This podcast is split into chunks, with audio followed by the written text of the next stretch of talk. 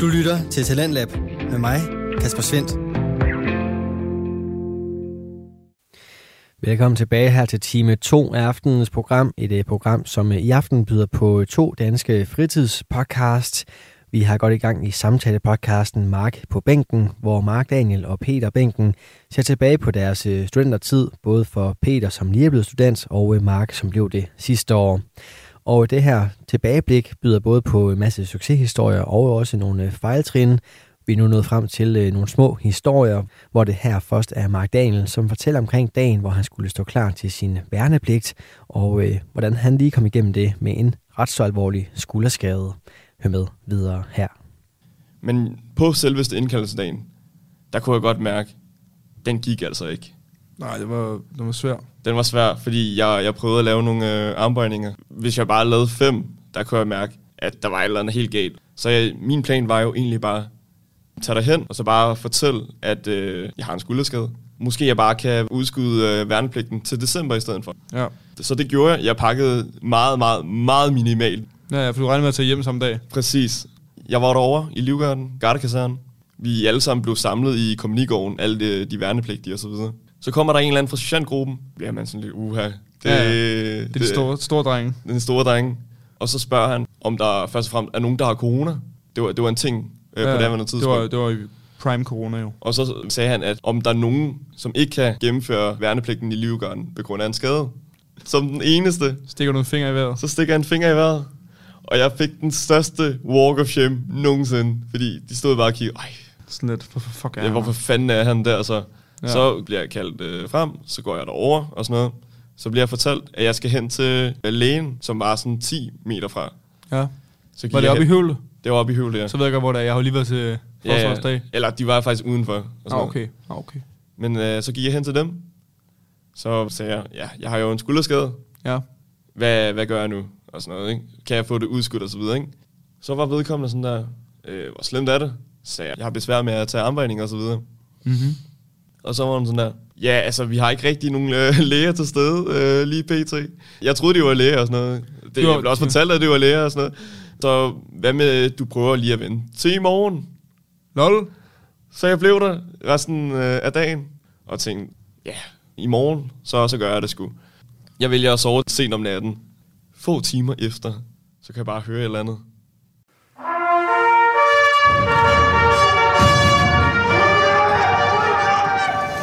Så, så blev jeg bare vækket, de der sergeanter. De stod bare bankede på den der dør og sådan noget. Fuck. Og jeg tænkte, åh, fuck mand, jeg skal kraftedeme med til læge her om morgenen. Det nåede jeg ikke på grund af det der og sådan noget. Så, jeg, Ja. kunne, så jeg kunne udskyde min værnepligt. Så endte du bare med at blive? Så endte jeg bare med at blive, og tænkte jeg, fuck it.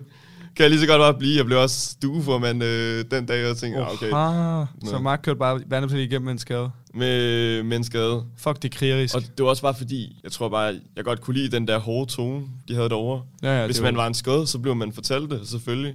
Ja, Og så prøvede man øh, efter bedste evne at rette op på det. ja, selvfølgelig.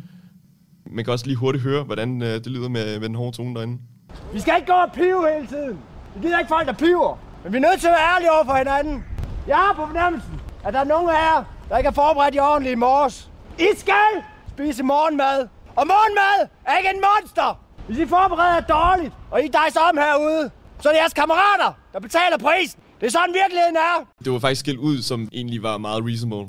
Det var meget vildt med, fordi altså på daværende tidspunkt, så kunne jeg godt have brugt tilbage i gymnasietiden. Der er nok optimeret min øh, karakter gevaldigt. Ja, ja, det var virkelig et wake-up call, man kan få der. Præcis. Også grunden til, at jeg startede i Livgøren, det var jo for at få den disciplin. Ja, ja, selvfølgelig.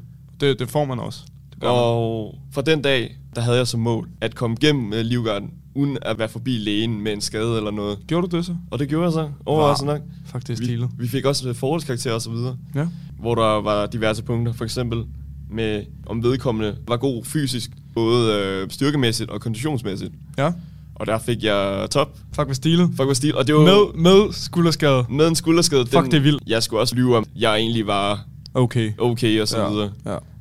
Og folk, de havde skader fra venstre og højre. Nogen blev også nødt til at stoppe livgarden På grund af skader. på grund af skader. Men det, det gjorde jeg ikke. Jeg holdt ud.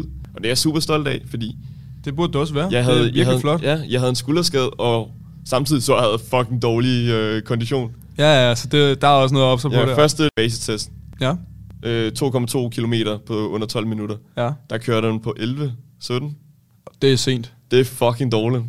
Ja. Men jeg optimerede det til 9, 38 Det er, cirka. det er en god ændring på så kort tid. Det er en meget god ændring. Ja, det er virkelig øh, det er ret flot.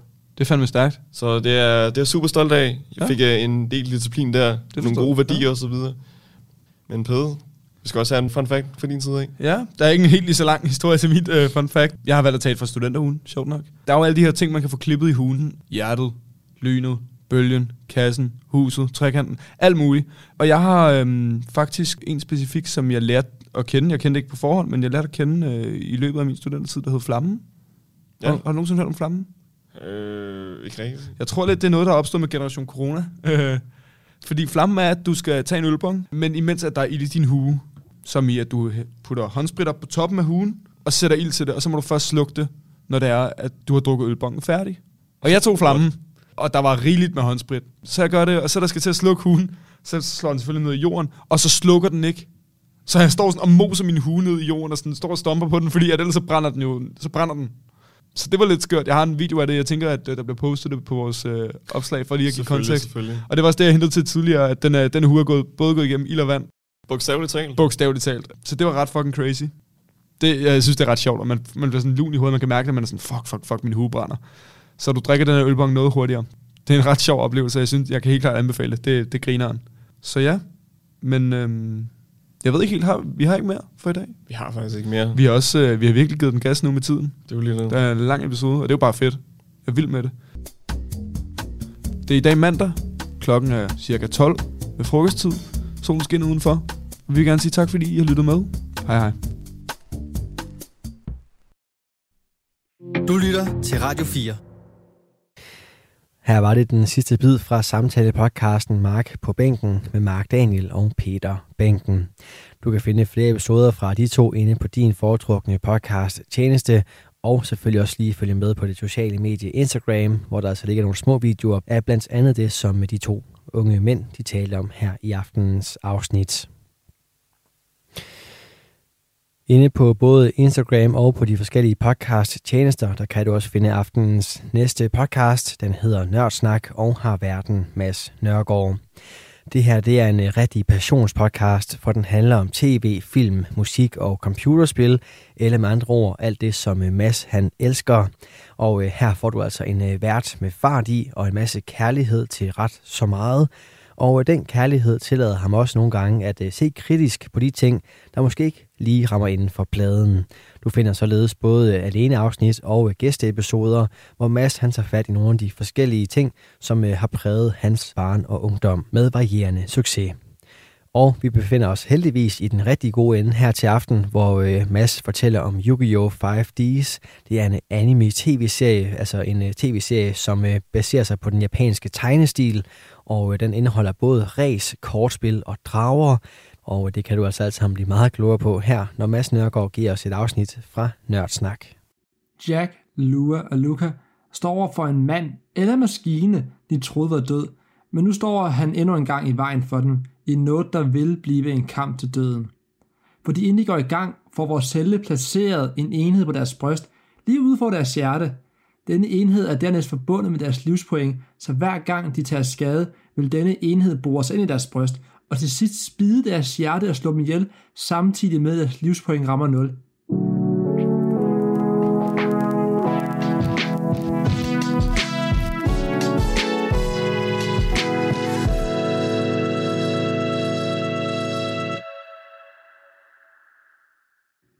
Hej alle sammen, og velkommen tilbage til Nørdsnak.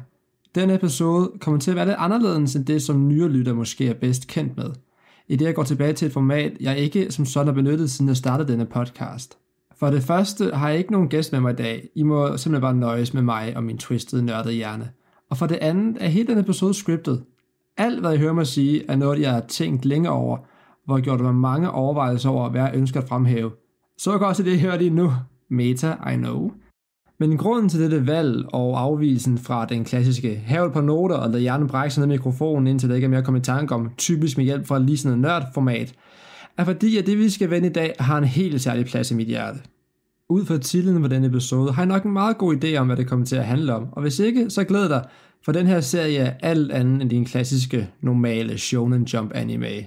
Som nogle af jer nok kan huske, har jeg meget tidligere i den her podcast levetid snakket om den originale Yu-Gi-Oh! Duel Monsters anime, der dækker den del af mangaen, som omhandler kortspillet i Duel Monsters. Et spil, der blev grundlaget for hele syv spin-off-serier, hvor ingen af dem er baseret på en manga i samme stil som den originale serie, men i stedet er direkte anime spin-off, hvor hver serie er udviklet på spillet i en eller anden format, i en ny verden, mere eller mindre forbundet til den tidligere begivenhed. På nær GX. GX foregår i præcis samme verden som den første serie med Yugimoto og Seto Kaiba, og indarbejder ikke nye elementer. Lazy writing lige der, intet andet. Men hvorfor er det så, at jeg ønsker at sætte fokus med 5D, så ikke GX, Sexual, Arc 5, Range 7 eller Go Rush? Det er det, jeg ønsker at dække i denne episode efter min bedste evne. 5Ds var den anden spin-off-serie, der sprang ud af Kazuki Takahashis mega-succes, og det er også den sidste serie, han havde en form for involvering i. Ganske vist var det ikke så meget med henblik på historiens udvikling, men han deltog rent faktisk karakterdesignet og hjalp med at sætte tonen for serien. Noget som Sexel, den efterfølgende serie, helt klart kunne have brugt. Altså, helt ærligt, lav lige en Google-søgning på Yuma Tsukomi, hovedpersonen i Sexel, og forklar mig lige, hvad fanden der foregår, for jeg ved det virkelig ikke. 5Ds modsatte sig GX ved til showet i en radikal anden retning, hvilket ikke var nødvendigt for at få Kazuki med, da han ikke rigtig ønskede at lave den samme form for show for tredje gang i streg. En modig ting taget de første shows enorme succes i betragtning, men øh, hvordan adskilte sig så? Jo, serie, for det første er 5Ds klart den mest modne og mørke af alle serierne. Castet er ældre, temaerne er dybe og mere seriøse, og hele showet har generelt en helt anden dybde over sig. Og ja, lille side note, nu spiller de kortspil på motorcykler. Yep. Jeg kender mange, der helt banalt set, synes, at det at redde verden ved kortspil er det i sig selv, og de selv som mennesker får der for alvor frode af mundvinen, når nu også kan få lov til at påpege, hvor gennemsyret og latterligt og idiotisk kortspil på motorcykel er. Og til det, så kan jeg bare sige, at måske har du ret, men hvor tåbeligt den er, så er det fucking fedt. Og du kan ikke overbevise mig om andet overhovedet. Desuden passer suset adrenalinen ved disse øh, højhastighedsdueller meget godt med den nye spilmekanik Synchro Summon. Så om ikke andet formår denne serie at skabe synergi imellem dens koncept og udvikling af spillet. Men nu hvor det hele så er på plads, hvad kan I så egentlig forvente af denne episode? Hvordan vil jeg forsvare denne serie, der står så nært mit hjerte? Det vil være en blanding af plotgennemgang og en fremhævelse af, hvad denne serie lykkes med på et mere sådan strukturelt niveau. Der vil helt naturligvis være spoiler warning, men tag det roligt, plottet vil ikke blive gennemgået alt for min seriøst. Jeg vil tale om ting, som øh, er selvfølgelig er vigtige, men jeg vil i langt højere grad danse hen over størstedelen af det, og så lave nedslag der, hvor jeg for alvor mener, der er noget at tage fat i. Hvilket kunne være hele serien, men jeg skal nok prøve at begrænse mig så godt jeg nu kan. Kan, kan I mærke, at jeg elsker den serie her? Altså, jeg har en fucking display hængende, jeg selv har designet, fordi jeg ikke mente, at display selv havde nogle designs, der kunne måle sig med den her serie sindssyge awesomeness. Som en lille sidebemærkning skal jeg huske at sige, at jeg tager udgangspunkt i den japanske udgave af serien, da denne serie især blev fuldstændig smadret af det engelske dub. Ganske vist har dubben sine små finurligheder og grin, som er typisk for 4Kids, men alle seriens dybe emner bliver danset henover, og det grusomme, både i plottet, men også i forhold til det grafiske indhold, bliver tonet ekstremt ned, og i de fleste tilfælde bare helt fjernet. For ikke at snakke om, hvordan op til flere episoder hen mod slutningsledet ikke er med i den engelske version, hvor man især misser nogle af shows absolut bedste episoder. Men anyways, let's go. Noget af det, der adskiller 5Ds fra sine to forgængere, er denne verden, som serien egentlig udspiller sig i. En verden er en arena for dramaet og har fænomenal indflydelse på, hvilke handlinger og plotter kan udspille sig. 5Ds tog de velkendte og fantasy-lignende rammer for Duel Monsters og GX og skiftede dem ud med et råt, utilgiveligt apartheid-samfund, hvor arv og status er afgørende faktorer i livsmuligheder. På den ene side har du New Domino City, et utopia af vækst, ren energi og velvære, hvor ingen mangler noget, og på den anden side har du Satellite, udkanten af byen, hvor samfundets bund holder til, og der intet håb er for fremtiden. Det eneste, man kan vågne op til, er mere eller mindre tvangsarbejde, hvor du skal stå for genbrug af affaldet fra centrum for at holde deres vækst oppe. Alt dette skete efter Zero Reverse, en Chernobyl-lignende katastrofe, hvor den daværende samlede bys uendelige energikilde løb løbsk og rev byen i to.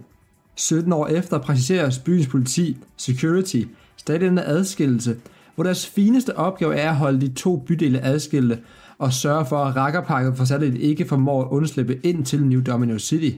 Sådan en form for verden baner vejen for to helt fantastiske arcs, som jeg kom ind på senere. Den ekstreme sociale uretfærdighed skaber grundlaget for en smuk opgørshistorie, der i grund og grund handler om at kunne bryde fri fra de lænker, man er født med, og skulle kæmpe for en forening og en bedre fremtid. I en verden, hvor kortspil ikke længere er nok til at vise sit værd, men også, man er også stærkt afhængig af D-Wheel, de motorcykler, som duelisterne udfører riding duels på, kommer en social uretfærdighed også på spil. Mange af dem, der bor i Satellite, har ikke råd til at købe kort og bygge gode dæk, og det er helt uhørt, at de kan besidde D-Wheel. Det går faktisk så vidt, at første gang Security spotter vores held Yusei Fudo på et sådan D-Wheel, antager de med det samme, han har stjålet det og indgår i Hot Pursuit. Vi har at gøre med en verden, hvor alle konflikter, hvor tåbeligt den lyder, forløses via kortspil. Og dem, der ikke har råd til kort og må samle på det, de andre smidt væk, er simpelthen bare udelukket fra starten af. Men så god som denne verden er, kommer det selvfølgelig ikke uden problemer. Fordi selvom jeg har den største kærlighed for denne serie, virker det lidt som om, at så snart at denne konflikt løses og verden forenes, ved serien til at starte med ikke helt, hvad den skal gøre, og det er stadigvæk 90 episoder tilbage, og netop med at tage pusen et øjeblik, indtil den finder fodfæste med en ret fed ark, to fede ark faktisk, der kommer senere. Men det tager vi, når vi når dertil. En anden ting med den verden, som adskiller den som værende virkelig guld værd, er musikken. Og ja, jeg ved godt, at musik ikke decideret har noget med verden at gøre, sådan bogstaveligt talt. Det er ikke sådan, at karakteren render rundt og kan høre musikken og skue tingene. Oh shit, nu kan jeg høre hovedkarakterens tema, nu er jeg allerede tabt. Det er ikke sådan, det fungerer. Men musik har ikke desto mindre en kæmpe indflydelse. Ikke kun på at sætte tonen for selve showet, men også hjælper med at forstå de karakterer, der lever og agerer i denne verden. Og der er 5D's musik altså helt indiskutabelt det bedste, der er kommet ud af Yu-Gi-Oh! franchisen. I hvert fald af, hvad jeg har set. Jeg har endnu ikke fået set Sexel, Sevens eller Go Rush, og jeg mangler stadig den sidste halvdel af range. Mit ønske om at snakke Naruto Shippuden med jer har lidt sandt stopper for det. Jeg er på episode 299 ud af 500, og jeg håber virkelig, I hæpper på mig. Men blandt Duel Monsters GX 5D's Arc 5, som er dem, jeg har set fuldt ud, ligger 5D's i langt de fleste tilfælde over de andre på musikfronten. Og her taler jeg om OST, men også de obligatoriske anime openings endings er ganske formidable i 5D's. De kan helt klart anbefales at tjekke ud, hvis man sådan vil have en lille musikalsk indblik i, hvad serien ligesom kan byde på. Så når alt er sagt om denne verden, og jeg ligesom vil prøve at opsummere mine tanker, inden jeg går videre, kan jeg blot sige, at vi har at gøre med en moden, gritty, cyberpunk og Akira-inspireret verden, der virkelig formår at bane vejen for en vanvittig god fortælling. Ikke kun i Yu-Gi-Oh! men altså på større plan generelt. På samme måde som en historie definerer sig den verden og regler, den udfolder sig i, er den også påvirket de personer, der skal udføre historien. Og frygt for at lyde lidt som en broken record, må endnu engang bare sige, at 5Ds har en rigtig god kerne i castet. På overfladen får man måske stadig indtrykket af, at den klassiske Yu-Gi-Oh! format bliver fuldt til punkt og prikke. Vi har vores karismatiske hovedperson, Yusei Fudo. Vi har en selvoptaget rival og første antagonist i form af Jack Atlas. Vi har den klassiske bedste ven, der altid er propfyldt med på mod Crow Hogan. Vi har den kvindelige hovedperson og kærlighedsinteresse i form af Aki Sayori. Og kigger vi på disse fire, kan de meget lige til overføres en til en på Yugimoto, Seto Kaiba, Junichi Katsuya og Anzu Masaki. Andre karakterer kunne også drages paralleller tilbage til den første serie, der ligesom satte standarden for, hvordan disse cast skal sammensættes. Og så har vi også tvillingerne Lu og Luca, men disse kunne jeg ikke helt finde modpart til i den første serie. Disse karakterer kan virke som taget ud fra en formular, der virker til at være brugt igen og igen. Hver gang TV Tokyo og Konami mener, at folk trænger til at se verden blive reddet på ny ved kortspil. Men siden jeg vælger at tale om det her, er det tydeligvis ikke tilfældet med 5Ds, ellers ville jeg jo tale om det, vel? Vil jeg være at skyde mig selv lidt i foden, synes jeg. Men i stedet for at snakke om, hvor fantastisk en hovedperson som Yusei Fudo er, og måde at til alle dem, der kalder ham en kedelig Mary Sue, vil jeg starte med en karakter, der lynhurtigt blev en af mine personlige favoritter i hele Yu-Gi-Oh! universet.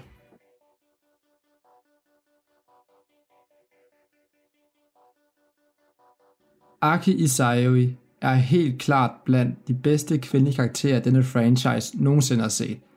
Jeg har lyst til at sige, at hun er den bedste, men jeg har jo som sagt ikke set alt Yu-Gi-Oh! nu.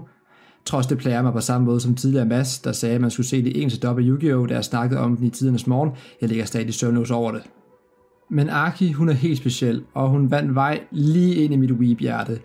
Fordi modsat de andre kvindelige hovedkarakterer, er hun rent faktisk essentiel for plottet, og ikke bare en cheerleader, som Anzu Masaki desværre reduceres til. Man kunne argumentere for, at Asuka Tenjoin fra GX er en bedre duelist, i det hun har en bedre sejrsrecord, Men da mange af disse sejre sker offscreen og ikke fremstår essentielle for plottet, har jeg svært ved at se, hvordan det bidrager til hende som karakter. Aki er helt klart den mest velformede kvindelige hovedperson, vi har set. Hun har en respektabel sejrsrecord. Ud af hendes 15 dueller i serien mønstrer hun 7 sejre, 3 nederlag og 15 dueller uden endegyldigt resultat. Det er ikke overvældende godt, men heller ikke så skidt, at hun reduceres til en damsel in distress, der afhænger af de mandlige karakterer omkring hende. Som en stor fan af Kill Bill og Beatrix Kiddo, synes jeg faktisk, det er rart med en kvindelig protagonist i en Yu-Gi-Oh! serie, der løfter sig selv over mere end fanservice i den måde, hun er tegnet på. Hun er en person med en ekstremt kompliceret fortid. Aki har aldrig oplevet andet end afsky og had, på grund af de medfødte evner, eller snarere forbandelse, som plager hende. Selv hendes egne forældre lagde afstand til hende, da hendes psychic evner, der altid påførte hendes omkreds smerte imod hendes vilje, blev bløbsk. Med tiden lagde hun selv afstand til alle, blev optaget i The Arcadia Movement, der tog imod hende som den sårbare pige hun var, og hun blev med tiden kendt som The Black Rose Witch, en duelist, der når hun skadede din livspring, også påførte dig rigtig smerte. Hun var så opslugt af sin egen vrede, så da Yusei endelig hjalp hende med at se lyset og viste hende, at folk bekymrede sig for hende, og hun havde venner, der var der for hende, ændrede hele hendes livssyn sig. Og det var ikke bare sådan fra en dag til en anden. Nej, det var en rejse, og en rejse, jeg var opslugt af, og en rejse, der fik mig til at falde for hendes karakter. Virkelig. Og lad os være ærlige, hendes viktorianske outfit med corset og bordeaux farver, der matchede perfekt med hendes hår, og Ace Monster Black Rose Dragon hjælper os en del på det. Hun er bare et generelt helt vildt fedt design, der matcher hendes personlighed og stil helt perfekt. Jeg kunne snakke længe og detaljeret om alle karaktererne, og givet det faktum, at dette afsnit af episoden er decideret forbeholdt karaktererne, så burde jeg nok snakke om dem alle, men så vil jeg kunne nå at sige putten færdig for den her episode hovedet overstået. Så udover at Yuse er en fantastisk hovedperson, der er anderledes fra sin modpart i andre serier, rent faktisk kæmper en hård kamp hele vejen op, så har han vokset op i Satellite, og hans drøm om at forene de to bydele er helt vildt inspirerende. En drøm, han deler med sin bedste ven Crow Hogan, der udadtil virker som en chill fyr, der ikke lader sig påvirke af alverden, men inderst inde har en frygt for de børn, han tager sig af, kommer til at lide den samme skæbne som ham selv. En person, jeg dog gerne vil sætte fokus på, inden vi går videre, er Jack Atlas, USA's rival, og i et eller andet omfang seriens første antagonist. Jack, at han adskiller sig fra de andre rivaler, jeg har set i Yu-Gi-Oh! ved rent faktisk at have en form for bånd og en fortid med hovedpersonen. Man kan argumentere for, at Kaiba har et forhold til faraven i Yugi, hvis man kigger på deres oldegyptiske forgængere, men med deres nutidspersoner har de ikke som sådan et bånd til hinanden. De udvikler en form for fælles respekt over for hinanden, men Kaiba ser i hvert fald ikke sig selv som værende på Yugis side på noget tidspunkt, medmindre han altså selv ser en interesse i det. Der er Jack anderledes og interessant, og igen et eksempel på, at forfatterne til 5Ds vidste, hvad de ville, og formåede at skabe noget, der ligesom stak et spadestik dybere end de tilsvarende serier derude. Jack og Yusei har historie sammen. Faktisk er de to, Crow og en fælles ven, Kiro Kyosuke, en fælles fortid som Team Satisfaction, der kæmpede for at forene Satellite. Og det er her, at Jack adskiller sig, for på trods af deres fortid har Jacks ambitioner om at være den bedste ingen begrænsning overhovedet, og han er villig til at forråde Yusei og resten af holdet for at slippe væk og blive anerkendt som king og den bedste duelist i hele New Domino City. Og derfor er deres relation så interessant, når de så år senere står ansigt til ansigt som resultat af USA's flugt fra Satellite. Som serien skrider frem, ender Jack med at blive en good guy igen, efter USA vælger med pinden som king i Fortune Cup-finalen. Han har dog stadig sit uendelige drive for at blive den bedste, men USA har lært ham ydmyghed og en udvikler passioneret bånd til folk omkring ham, herunder Team 5Ds bestående af ham selv, USA, Crow, Aki, Lua Luca og senere Bruno. Nu vil jeg gerne tage muligheden og fremhæve, hvad der gør den her sag så god, ved at dykke ned i serien kronologiske udvalgte begivenheder fra hver ark, der står frem for mig. Og jeg synes, jeg starter med Fortune Cup, som ligesom er den første store begivenhed, hvor flere hovedkarakterer mødes og clasher. Historien indtil videre har budt på Yuseis sluk for Satellite, hans duel med Jack for at få Stardust Dragon tilbage, og Yuseis uundgåelige arrest, af Security for nys om duellen.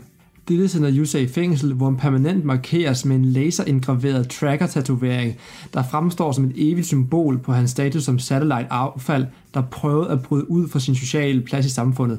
Endnu en voldsom ting at tilføje til listen over de ting, der gør den her serie ret moden og voksen.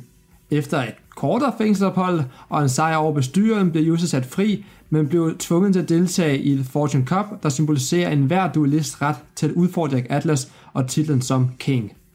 Undervejs i turneringen falder folk fra, og det hele kulminerer i en finale, der siger mere end 1000 ord. I finalen og i kampen om retten til at udfordre Jack, møder Yusei Fudo Aki Isayoi. Disse personer er på det tidspunkt hinandens komplette modsætninger. Yusei er altomfavnende og beskyttende, Aki er destruerende og aggressiv, og ikke nok med, at de er det som personer, så udfører de sig også lige sådan i deres kamp. Det er lige her, at 5Ds viser, at den kan kommunikere stærke følelser igennem noget så banalt som et kortspil. Udover kæmpe aggressivt og påføre Yusei rigtig skade i deres duel, har hendes Ace Monster Black Rose Dragon også den effekt, at den kan ofre sig og ødelægge alt andet på banen. Yusei Stardust Dragon har den stik modsatte effekt. Den kan ofre sig selv og stoppe ødelæggelse af monster på banen. Det her er altså ret godt skrevet, hvis jeg selv skal sige det. Den her duel formår at fremvise Arkis had og Yusis ønske om at redde hende fra den selv samme destruktive følelse, udtrykkes smukt igennem den her måde, de spiller på. Og man kan se, at de begge er forandret efter det. Arki prøver at skjule, men hun er rørt af Yusei's handlinger, og Yusei er ligeledes påvirket og chokeret over alt det, han kunne mærke igennem deres duel. Altså, jeg, jeg kan simpelthen ikke understrege, hvor fedt det her det er. Efterfølgende duellerer Yusei mod Jack, hvor det kommer frem, at Godwin, den administrerende direktør af New Domino City, var skyld i, at Yusei kunne undslippe Satellite til at starte med. Han gjorde dette med henblik på at samle alle signers, nemlig Yusei, Jack, Aki og Luca. Og jeg tænker nok, hvad er signers? Det kommer vi til senere. Med alle disse til stede, og Yusei Stardust Dragon op imod Jacks Red Demon Dragon, kommer The Crimson Dragon til syne. Det var mange dragons, men prøv at følge med. Alt dette er på en eller anden måde forbundet til de modermærker, som de omtalte personer har, alle sammen hvert sit symbol på en del af en drage. Nu kommer vi så til seriens nok bedste ark, hvis du spørger mig. Som det fremgik af afslutningen på The Fortune Cup, er vores helte nogle udvalgte personer, der er skæbnesbestemte til at kæmpe som signers for The Crimson Dragon.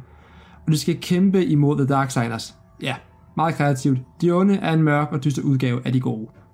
Men det er ligesom nu her, at lortet begynder at gå mok, og der sker rigtig meget, og jeg kan umuligt dække det hele. Men jeg prøver at fremhæve nogle enkelte punkter, hvor man for alvor kan se, hvor mørk og seriøs den her serie er. Men først lidt om Darksiders, da de nok er de mørkeste, den her serie har at byde på, og det er kun i navnet. Darksiders er menneskelige tjener for Earthbound Gods, som er i krig med The Crimson Dragon, men tabte for 5.000 år siden. Disse guder blev vækket til live igennem Nazca-linjer, som rent faktisk er et rigtigt fænomen, som kan findes i Nazca-ørkenen i Peru. Super fedt at se, at sådan en oprigtig ting har indflydelse på serien. Disse Nazca-linjer absorberer uskyldige menneskeliv som offringer til guderne, som så dernæst besætter et menneske, der bliver til en Darksigner. Men en Darksigner er ikke noget, man bare lige bliver. Når et menneske er på dødens rand og fyldt med tilpas meget tragedie og sorg, vil Earthbound-gudernes ånd række ud til dem og tilbyde dem en ny chance i livet og en mulighed for at få hævn eller rette op på deres tragedier. Det er bare den ene betingelse, at de skal lade sig dø, for at lade ånden overtage dem, og på den måde gøre plads til, at guderne kan bruge dem som kropslige tjenere og kæmpe imod signers på vegne af sig. Det her med at dø og genopstå er ikke noget, vi har set i samme skala i nogle af de andre Yu-Gi-Oh! serier. Slet ikke med den twist, at nogle af vores helte kommer til at kæmpe imod for skruet udgave mennesker, de ellers normalt vil holde af. Der er tre eksempler på Darksiders, jeg gerne vil vende. Den første er tidligere nævnte Kido Kyosuke, tidligere medlem og stifter af Team Satisfaction. Hans ønske om at få en af Satellite til overhånd, hvilket endte med, at han dræbte en betjent fra Security. Han bebrejder Yusei for, at politiet fik fat i ham, og lige inden han dør af sult i fængslet, bliver han givet det ønske om at få nyt liv, hvor han kan hævnes over Yusei. Dette fører til en kamp om liv og død vidderligt imellem to tidligere venner, hvor der ikke er nogen vej udenom, at den ene af dem ikke vil overleve, da duellerne udføres på disse NASCAR-linjer, har samme effekt som Shadow Games fra de tidligere serier. Taberen vil dø og give sin sjæl som offring.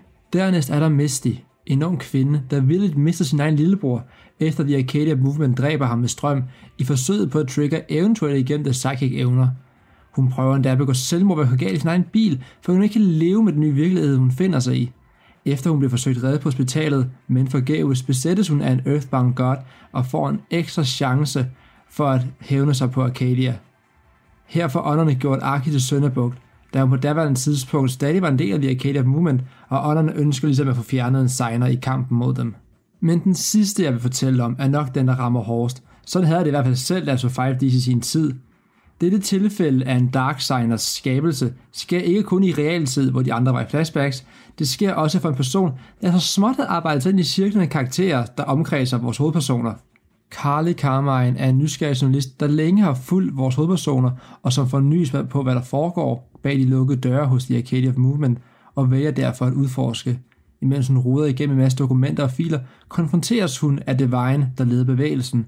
Han vælger at give hende en chance for at kæmpe for sin egen frihed, og de to indgår i en duel. Divine viser dog at være Carly overlegen, og i sin sejr rammer han Carly så hårdt, at hun skydes ud af panoramavinduet helt oppe på øvre etage i de kæmpe højhus, som bevægelsen holder til i. Mens hun styrter imod sin sikre død, tænker hun på Jack Atlas, som hun længe har haft et kæmpe crush på, men hun har aldrig turde sige noget. Med al den tragedie og fortrydelse i hjertet vækkes hun til live som den sidste Darksigner, fast besluttet på at få Jack over på sin side, eller tage ham med sig i døden. Hvis dette her ikke er vildt, så ved jeg altså ikke, hvad er. Disse tragiske historier baner vejen for nogle helt vilde showdowns. Nu skal vores helte på opfordring af Rick Scottwin nå at besejre disse Darksiders og slukke for de kontroltårne, der styrer energien fra kilden moment, så de ikke kan åbne døren til underverdenen og undgå at sætte The King of the Netherworld fri. De lykkes dog ikke i tide, og ingen andre end selveste Rex Godwin ham selv genopstår som både signer og dark signer i håbet om at blive en gud. Han er både den femte signer og den femte dark signer på en og samme tid. Han har manipuleret begge sider af konflikten fra starten af, og vores tre motorcykelkørende helte, Yusei, Jack og Crow, må nu tage den ultimative 3 mod 1 riding duel for at redde Satellite fra total udryddelse. En bedrift, de lykkes med, og Rex tilslutter sig sin bror Roger i efterlivet og bringer os til slutningen af en af Yu-Gi-Oh! franchisens bedste arcs nogensinde. Man har jo det hele her. Højt slående drama, dueller om liv og død, karakterudvikling og bånd, der skabes og brydes på tværs af karakterer, for ikke at nævne en tilpas over-the-top final, hvor heldene må udnytte deres numeriske fordel og spille op af hinandens strategier for at besejre en guddommelig fjende. Bare det at sidde og skrive det her, giver mig den største lyst til at sætte mig ned og gense hele showet en gang til, så jeg, altså det siger virkelig, hvor fedt det her det er. Du lytter til Talentlab med mig, Kasper Svendt. Vi er i gang med aftenens andet podcast-afsnit her i Talent Lab. Det er programmet på Radio 4, som øh, giver dig mulighed for at høre nogle af Danmarks bedste fritidspodcast. Det er podcast, som øh, kan underholde, informere og måske endda også inspirere dig. Jeg tænker i hvert fald, at Nørsnak har mulighed for at gøre alle tre ting, når Mads Nørgaard kaster sig ud i at snakke i aftenens afsnit omkring Yu-Gi-Oh! 5Ds, en anime-tv-serie, som han er særdeles begejstret for. Men selvfølgelig er ikke alt godt, og det er noget af det, som øh, Mads fortæller videre om lige her. Det er derfor også så trist, at show et eller andet sted virker til at skulle være stoppet her. Man har lige reddet en hel befolkningsgruppe fra sikker udryddelse. Hvordan fanden topper man lige det? Jeg hader at sige det, men serien taber altså virkelig pusen her. Især fordi man slet ikke vælger at kigge på alt efterspillet fra Dark Siders arken. Man siger bare, at der er gået 6 måneder, og til fucking dupli, så er alle bare perlevenner igen, og Satellite er forbundet med New Dublin City i harmoni, og No Hard Feelings. Altså, come on, det skræmmer mig, at de selv troede på den. Det er altså helt vildt spild potentiale, at man ikke vælger at undersøge transition over til et samlet samfund efter næsten to årtiers adskillelse. Men der er ikke nogen grund til at blive for længe ved det her sure opstød, og for at være ærlig, så sker der ikke sådan super meget, før vi får en meget interessant lille mini som virkelig overraskede mig og var totalt ud af det blå. Crash Town. Lige før den næste sådan store ark, World Racing Grand Prix, tager Yusei ud på en mindre sidestorie til en øde westernby, hvor Kiro har slået sig ned og venter på at dø. Lige inden jeg kom for godt i gang med den her mini-ark, så bør jeg måske lige forklare, hvorfor jeg anser World Racing Grand Prix som den næste store ark, når der faktisk er næsten 20 episoder imellem Darksiders arken og Crashtown arken, som foregår lige inden Grand Prix. Kigger man på den officielle Yu-Gi-Oh! 5D's fanwiki, vil man se, at der er en ark, der er meget fint, som hedder Pre-World Racing Grand Prix, så der sker jo et eller andet, siden man vælger at kvalificere det som sådan sin egen ting. Hele den her ark mellem Darksiders og Crashtown føles som en lang forberedelse til netop næste store ting, som er World Riding Grand Prix. Jeg er allerede meget træt af at skrive en lang titel, så for nu er jeg bare kalde det Grand Prix. Okay? Godt. Som sagt, det er en forberedelse. Vi får masser af setups til den kommende Grand Prix, og vi får sågar også turneringens første duel. Men det er jo netop det, som gør det så svært at talsætte som en samlet ting, fordi der sker så mange ting. Vi får en introduktion til dem, som bliver de næste store skurke, The Empress of Iliaster. Vi møder en ny type monster, The Mech Lords, som er designet til at kunne udlykke og kæmpe imod netop Synchro Monster. Vi møder også en række nye karakterer, der får stor indflydelse senere hen, blandt andet Cheryl Blanc, der ønsker hævn over hendes forældre, og Bruno, der skylder land og ikke kan huske en bjerlag, hvem fanden han er. Så den er som sådan ikke, fordi der ikke sker noget. Der sker bare så mange ting, og alting er meget mystisk. Men måske kan man kalde det en ark, og måske er Pre-World Riding Grand Prix et meget passende navn, da det essentielt set er, hvad der sker. Vi får en masse opbygning til den her turneringsakt, der kommer, der bliver plantet en masse frø, og der peger hen imod den her nye skurker og alle deres våben, såsom automatiske dual-robotter. Og sejler det ikke lige. Men efter denne lange og indviklede forklaring omkring, hvordan jeg ser en bestemt ark, der er kinda essentiel og på samme måde handler om tusind forskellige ting på én gang, vil jeg nu tale om Crash Town, inden vi går over til selve Grand Prix.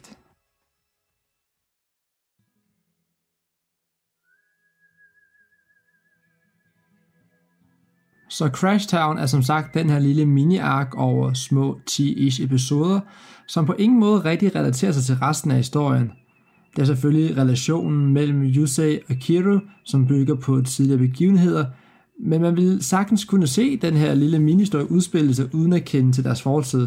Jeg fristes næsten til at kalde Crash Town for en filler ark, men givet at 5Ds ikke er baseret på en manga, er det lidt svært at dele op i canon og filler, som i traditionel forstand er opdelingen mellem den del af historien, der følger mangaen, og den del, der, som navnet antyder, fylder ud.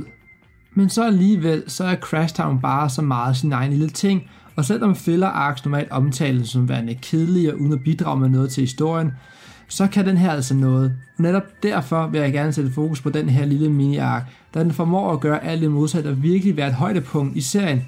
Det er lidt som om, at karaktererne virkelig får lov til at skinne igennem, når de ikke er bundet op til at skulle forholde sig til resten af plottet sådan overordnet set. Det eneste, der trækker spor til omverdenen, er Kiros fortid som Darksigner og hans bånd til Yusei. Kiro ønsker at dø på grund af al den smerte, han formåede at påføre et utal af uskyldige mennesker, og Yusei ønsker at redde ham og få ham tilbage på rette spor. Og alt det passer bare så perfekt ind i den her semi-deprimerede western-stemning, som Crashtown foregår under.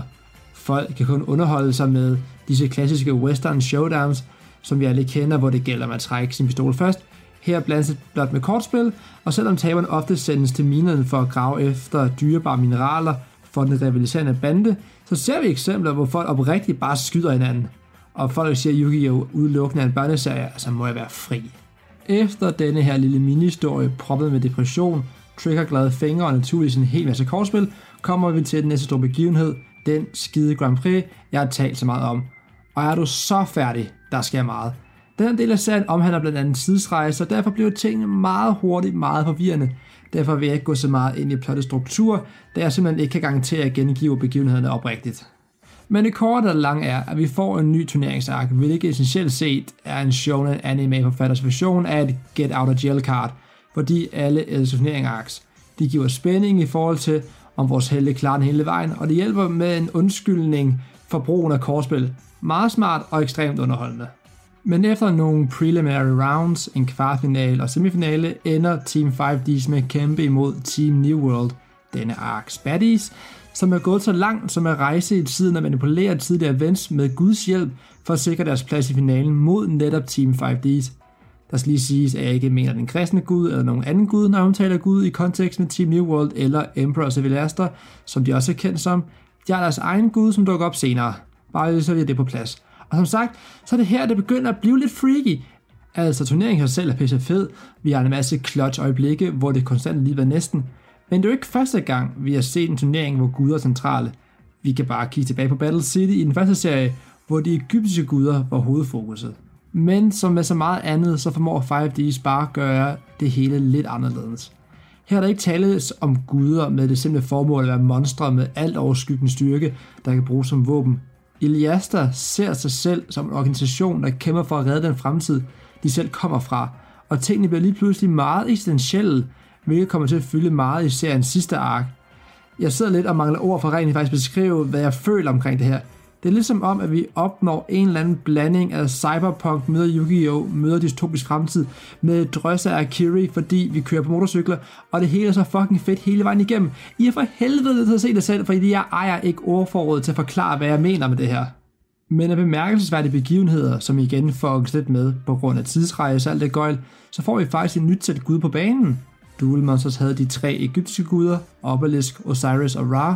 I Grand Prix semifinalen møder Team 5D's Team Ragnarok, som det ligger navnet besidder de tre nordiske guder, Thor, Loke og Odin. Og lad os være ærlige med os selv. At stå over for de stærkeste kræfter i nordisk mytologi er fucking fedt.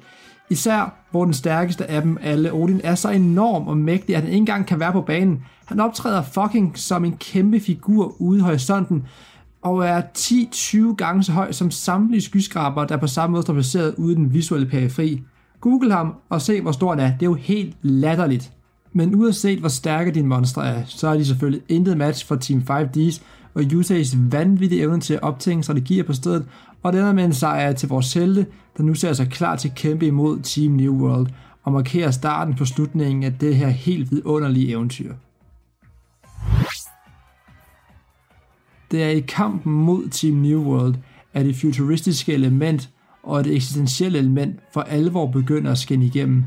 I deres kamp mod The Emperors og Veliaster bliver vores helte endnu en gang trukket op i en krog, men ligesom Yusei finder en åbning og vender slagets gang, sker det utrolige. Medlemmerne i Team New World vælger at overskrive al menneskelig anatomi og afslører sig selv som futuristiske cyborgs, der smelter sammen i deres ultimative form, Aporia, for at kæmpe på ny mod Yusei. De fusionerer endda med deres eget d og ender som en maskine slash motorcykel kentaur hybrid. Hvad man ikke gøre for at redde sin fremtid, man kommer fra? Plottet skal lov videre, og Yusei vinder med den samlede styrke fra sin venners monstre, og sin 5Ds kan erklære sig vinder af World Riding Grand Prix.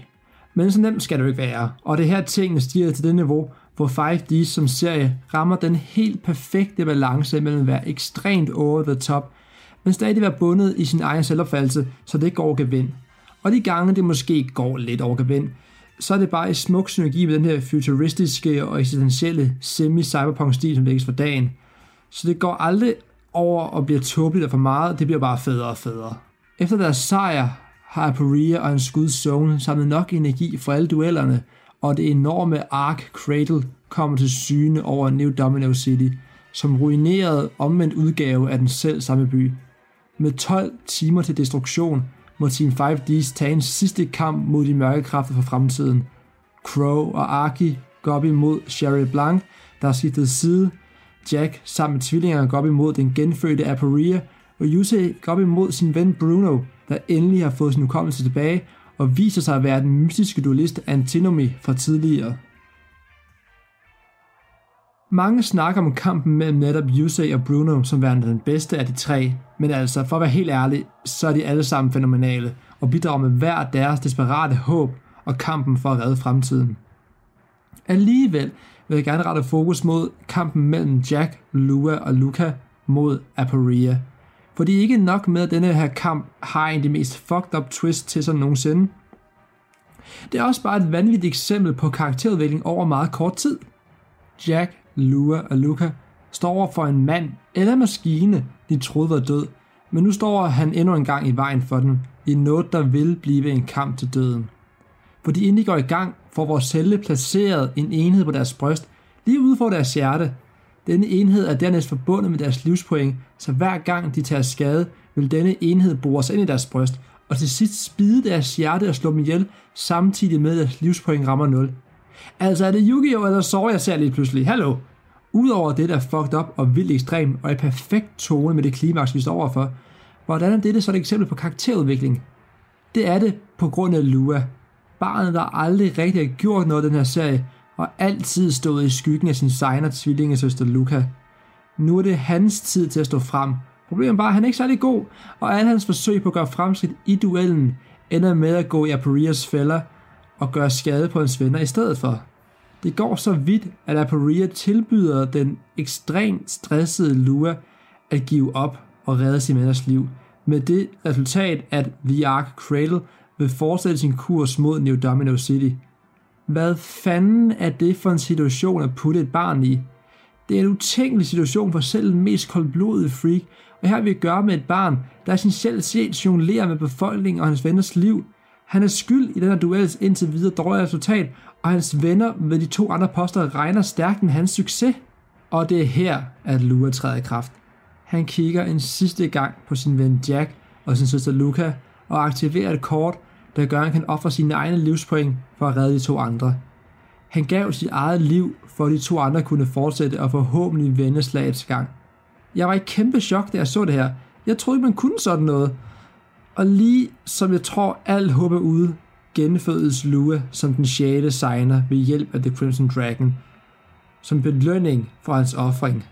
Og Luas Power Tool Dragon smider sin metalskal og blomstrer til Livestream Dragon. Jeg lyver ikke, når jeg siger, at jeg får en lille tår i øjnene ved bare at sidde og skrive den her form for gennemgang. Det hjælper nok heller ikke på det, at jeg sidder og har seriens openings, endings og OST kørende, som er helt vildt fantastiske, mens jeg skriver. Og til dem, der skulle være i tvivl om, hvad OST står for, så står det egentlig bare for Original Soundtrack, og er alt den musik, der spiller løbet af showet. En form for filmmusik, bortset fra det ikke er en film, men anime. Det er jo en lille gratis public service for Nørdsnak. Dem er der ikke mange af, men når de er så er de sat med guld værd. Jeg håber oprigtigt, at vi gør selv en tjeneste at tjekke det her ud. Det hele ligger på Crunchyroll, og man kan se det gratis, hvis man ikke har noget mod lidt reklamer. Og for guds skyld bryd den lille sprogbarriere og se den japanske version. Den engelske version er en forbrydelse mod menneskeheden. Der er ikke nok med, at den voldcensurerer alt. Slet ikke dækker den her sidste ark. Der mangler sådan 30 episoder i den engelske dub. En forfærdelig forbrydelse mod menneskeheden. Der må være en paragraf i Genève-konventionen et eller andet sted, der kan bringe straf og forkits for den her modbydelighed. Efter dette lille suge opstød, og efter jeg har fået tørret min weep fandom øjne, er det tid til den helt store finale. Og selvom jeg har sagt det en million gange nu, så er det her og nu af showet ved at være fuldkommen ligeglad og bare yde en kæmpemæssig fanservice, der spiller på alle de rigtige tangenter og rammer plet hele vejen igennem. Tingene går op og bliver så over the top, men det føles bare så rigtigt. Det er tid til Yusei mod Zone. En mand fra fremtiden, der først prøvede at skabe håb ved at transformere sig selv om til en tro kopi af Yusei, den i fremtiden store held fra fortiden. Da det ikke virkede, rejste han tilbage for at stoppe synkrosommens udvikling, der er symbolet på menneskehedens accelererede udvikling, der vil ende med at løbe løbsk. Og nu er de her så. Yusei mod Zone. Helten mod manden, der blev til en gud.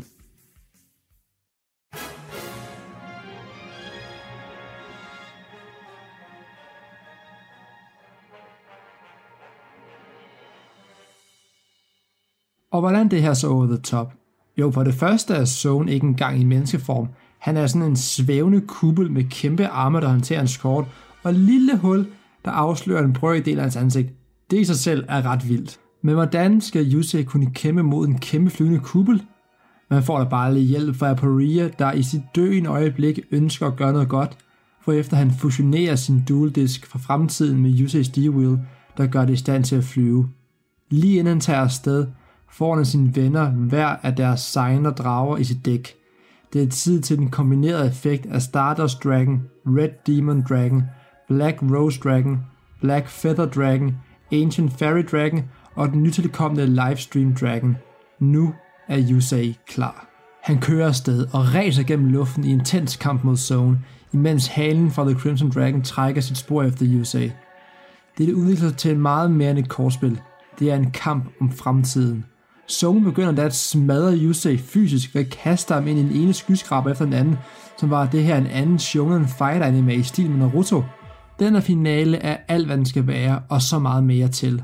Den er ikke bange for at være for meget, for den viger sig selv hele vejen igennem, og det er helt klart ventetiden værd. For at det ikke skal være nok, dukker kommentatoren fra de to tidligere turneringsark op og bidrager med livlig og energisk kommentering af duellen mellem Yusei og Zone. Det er en duel, som hans passion ikke vil lade ham misse, og desuden skal borgerne kunne vide, hvad der foregår, imens de evakuerer byen. Det er virkelig her, man kan mærke, hvordan showet deler op i to dele. Den første del handlede mest af alt om at redde byen fra sig selv og skabe sammenhold og fred, og den anden del handlede om at kæmpe for fremtiden og stå sammen og skabe håb om lysere tider. Alt det her ender på den eneste mulige måde. For at kunne overkomme Zones nærmest udødelige Time Lords, kombinerer Yusei alle signerdragene ind i den ultimative Senko-summon og tager sejren hjem. Zone lader sig overbevise af Yuseis passion og vildhed til at tro på det bedste i mennesker og ofre sig selv for at redde New Domino City og destruere Ark Cradle. Og med det er det hele slut. Det har været noget en rejse, og mit manus er indtil videre nået op på 16 sider. Men det er ikke slut endnu, for jeg vil gerne lige vende efterspillet og seriens afslutning, der siger meget om den, og lige så prøver at komme med min sidste samlede tanker og give den her serie, og jeg lytter nogle ord med på vejen. Zone er nu besejret, og alt er fryd og gammel. Men nu et fælles mål, at vores signerhelte begynder at splitte fra hinanden. Og det er her, at 5Ds vender tilbage til det, der har været kernen i så mange andre shonen anime gennem tiderne. Dette er i sin essens en coming of age story. Godt fortalt med hele verden på spil og kort med motorcykler, men nu hvor faren er drevet over og normalen vender tilbage, starter et nyt kapitel i deres liv. Et kapitel, der ikke nødvendigvis involverer dem alle sammen som en enhed og gruppe.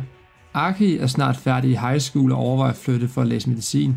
Crow er ansat i security, tvillingerne skal måske flytte tilbage til deres forældre, og Jack er i gang med at forberede sig selv for at kunne tage sin rolle som king tilbage. Og til sidst er der Yusei, der går i sin fars fodspor og skaber en ny udgave moment, kaldet Fortune, der kan sikre, at den fremtidige Zone Forzo ikke bliver en realitet. Og det er jo bare sådan, livet er.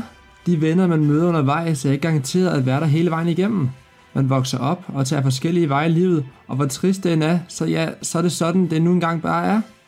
Og det er et faktum, man er nødt til at indse, hvilket 5Ds formidler meget godt med det ældre cast, der ligger i 18-20 års alderen, med undtagelse af tvillingerne, da serien er slut.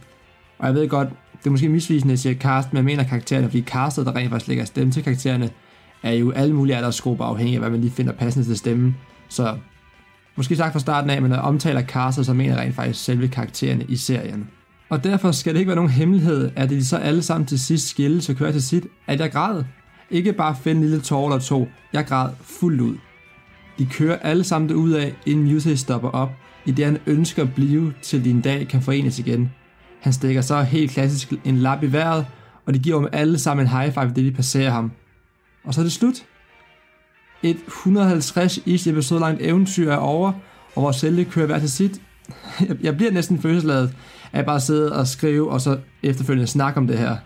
Så når alt kommer til alt, vil jeg nok mene, at det her er den bedste Yu-Gi-Oh-serie, der er lavet. Det er kontroversielt at sige, at den overskrider den originale, og selvom jeg indrømmer, at den originale er mere ikonisk, så er den her bare bedre og utrolig stærk kandidat til at være min yndlingsserie nogensinde. Jeg vil ikke argumentere for, at det er den bedste, fordi den her serie taler bare rigtig meget til mig som person, noget som jeg kan garantere på vegne af andre. Det her er dog bare ret godt tv, og jeg tror, de færreste, der har set den, kan klare sig uenige i det. Den rammer bare hovedet på sømmet i så mange hans scener. Castet og karaktererne er perfekte og passer som fod i hose ned i den her fantastiske sammensatte verden, som kun kan beskrives som en vidundercocktail af Yu-Gi-Oh! som vi kender det, lidt cyberpunk, lidt Akiri, en god portion gotiske og sci-fi elementer, kulder, robotter og motorcykler. Indpakket i en smuk, visuel artistisk stil, får man en gennemført og underholdende serie, jeg varmt kan anbefale til alle, der har givet at lytte så langt, som jeg har gjort nu.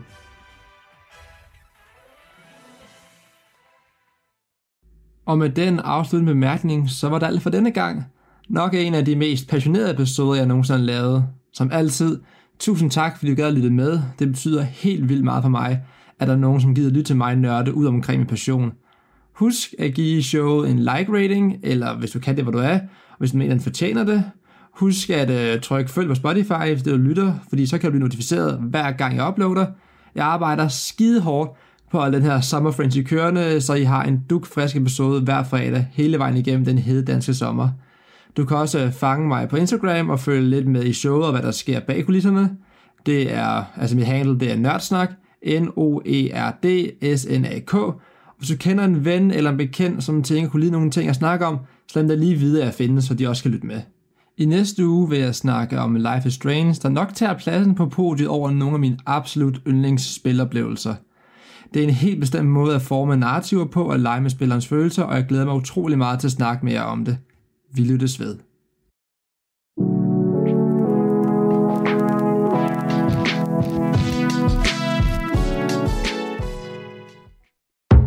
Radio 4 taler med Danmark. Og således så kom vi frem til øh, afrundingen på aftenens program. Det gjorde vi med to danske fritidspodcast. Vi startede med Mark på bænken, en øh, samtale podcast med Mark Daniel og Peter Bænken, som øh, tog et kig tilbage på studentertiden. Og derefter så tog Mads Nørgaard et neddyk ind i hans yndlings anime tv-serie Yu-Gi-Oh! 5Ds i podcasten Nørdsnak. Du kan finde flere episoder fra begge fritidspodcast inde på din foretrukne podcast tjeneste og alle tidligere Radio 4-programmer inde på vores hjemmeside og selvfølgelig også i din Radio 4-app. Mit navn er Kasper Svens, og det var det, jeg havde på menuen for i aften. Nu er det tid til nattevagten her på kanalen, så god fornøjelse og på genlyt.